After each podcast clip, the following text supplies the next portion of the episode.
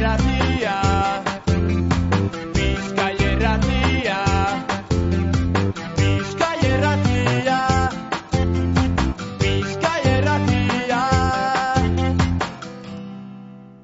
Amaika terdiak dira eta lehen aurreratu dogunez osterea egingo dugu Bilbo Zaharra Euskaltegira. Bilbo Zaharra Euskaltegia kooperatiba mugatua da eta Euskalduntze alfabetatze zereginetan mila bederatzeren da irurogeita amairu garren urtetik e, diardu.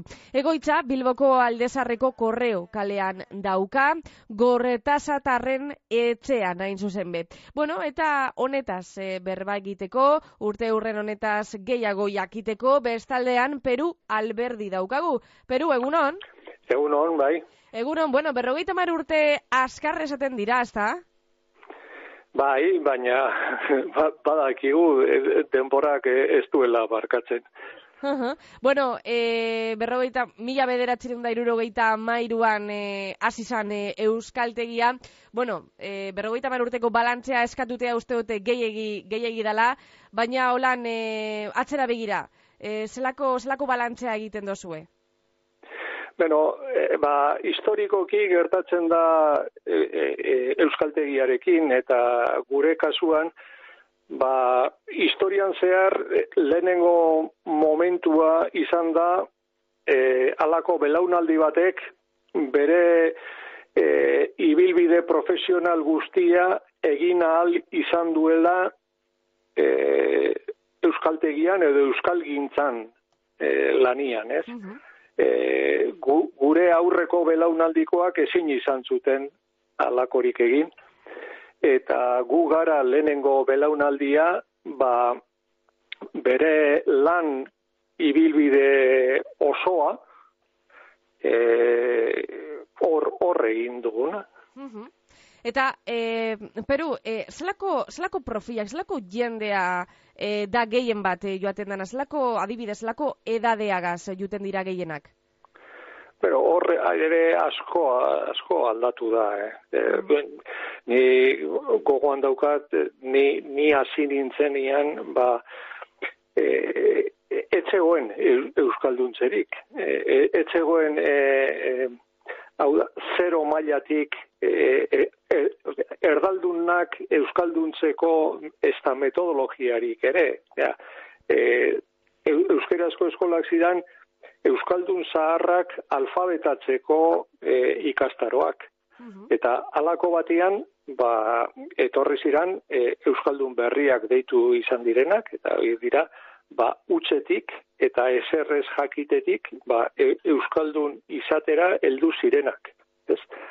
Orduan, e, hor ai- hor asko aldatu zan, eta gero denboran zehar ere e, egon dira e, etorri zanean e, e, esate baterako instituzionalizazioa eta eusko jaurlaritza hasi zanean martxan eta titulazioak e, jarri zirenean, ba, horre guztiak eragin du e, aldaketa haundi bat, eta e, bai ikaslegoan eta bai irakaslegoan.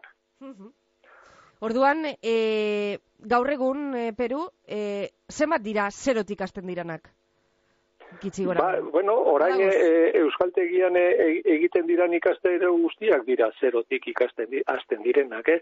Ia e, e, e, euskaldun hoiek e, e, alfabetatzenekoak eta e, desagertu ziren. Orain e, ia ume guztiak ikasten dute eskolan, orduan e, ba, e, etortzen direnak e, euskaltegira, ba, zerotik e, azten direnak, ba, ez dira inbeste, lehen bai, baina orain e, danak datoz nolabaiteko e, maila batekin. Mhm. Bueno, eta etorkizunari begira, euskarari jagokonez, e, Peru, zelan ikusten dozu kalean eta euskararen egoerea?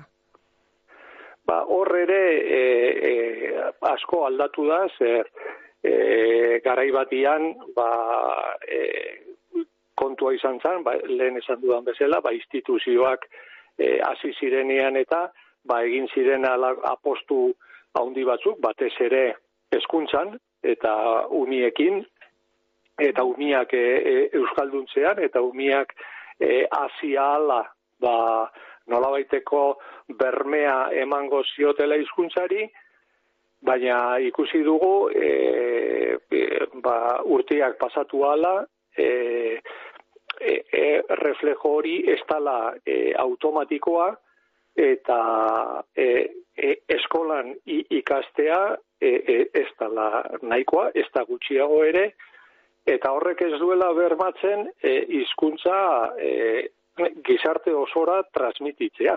Mhm. Orduan, e, beste neurri batzuk behar diala, eta bide berriak saiatu behar direla, e, ba hori, gizarteratzeko, hizkuntza, e, osea, euskeraren, euskera, e, gizarteratzeko. Holanda, eta, bueno, Euskaltegiari jaukonez e, Peru, e, mm, eta udari begira, e, esan behar dugu, ez? E, ekainan, e, adibidez, batzilergoko ikasleentzat ikastaro berezia egongo dala.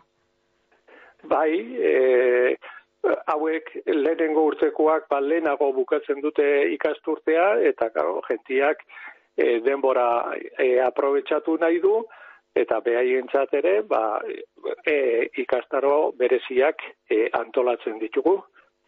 Eta, ba, holan, guk aukera minimoa ikusten dugunean, ba, eza- lehen esan bezala, bide berriak saiatu behar direla, saiatu behar dira, e, irakaskuntza asko aldatu da.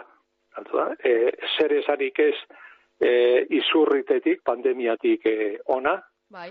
eta be, bide berriak saiatu behar dira, eta esango geruke, ba, holako mm, apostu handi baten aurrian gaudela. Ederto, ba, benzu honegaz, geratuko gara. Peru, alberdi, beste berrogeita mar e, urtez e, egotea gaitik, eta, eta urte asko, askotarako. Eskerrik asko zuei. Agur.